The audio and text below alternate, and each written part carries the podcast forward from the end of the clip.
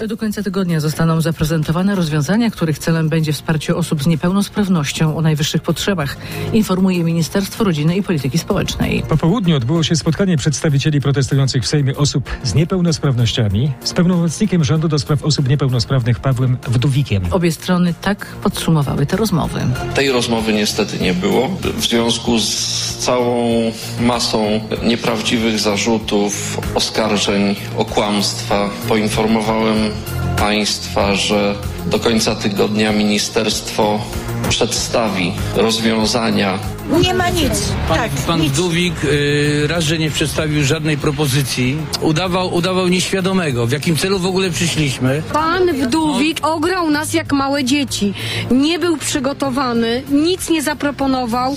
Wyciągnął jeszcze mojego męża z Sejmu, który nie może wrócić z powrotem na protest i śmiał się nam w twarz. Mówili przedstawiciele protestujących, a wcześniej wiceminister Paweł Wdówik. Instytut Meteorologii i Gospodarki Wodnej ostrzega przed silnym wiatrem. Jutro w porywach osiągnie prędkość około 70 km na godzinę. Alert dotyczy centralnej i południowej części województwa lubelskiego, m.in. w Lublinie, Chełmie i Zamościu. Projekt budżetu Pentagonu na przyszły rok przewiduje mniej pieniędzy na obecność sił amerykańskich w Europie. Propozycja zakłada objęcie priorytetem rywalizacji z Chinami. Amerykański sekretarz obrony Lloyd Austin zaznaczył, że strategia zakłada za najważniejsze chińskie wyzwania w regionie Indo-Pacyfiku, a potem wyzwanie Rosji w Europie. Projekt zakłada najwyższe kwoty w historii, to aż 842 miliardy dolarów. Jednak na pewno zostanie poddany zmianom w kongresie.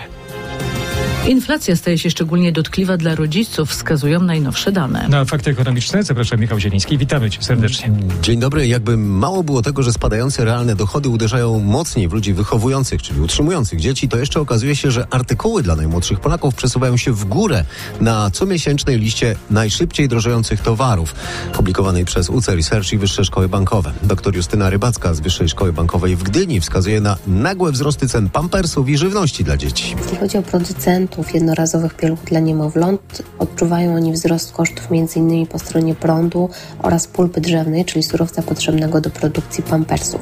Z kolei jeśli chodzi o żywność dla dzieci, pochodną rosnących cen jest cena warzyw i owoców, które są potrzebne do ich produkcji. Te z kolei podyktowane są warunkami pogodowymi w Hiszpanii i Maroku. No i tak pogoda w Maroku uderza w kieszenie rodziców w Polsce. A bankructwo amerykańskiego Silicon Valley Bank uderza dziś mocno w wartość polskich firm notowanych na giełdzie. WIG20 w dół aż o 2,6%. Waluty euro 4,69, dolar 4,37, a frank 4,79 groszy. A brytyjskie operacje upadłego banku z Ameryki przejął bank HSBC za uwaga jednego funta za równowartość 5 zł i 30 groszy nabył miejscową sieć banku z Atlantyku wraz z klientami i gwarantuje im teraz, że ich pieniądze są bezpieczne.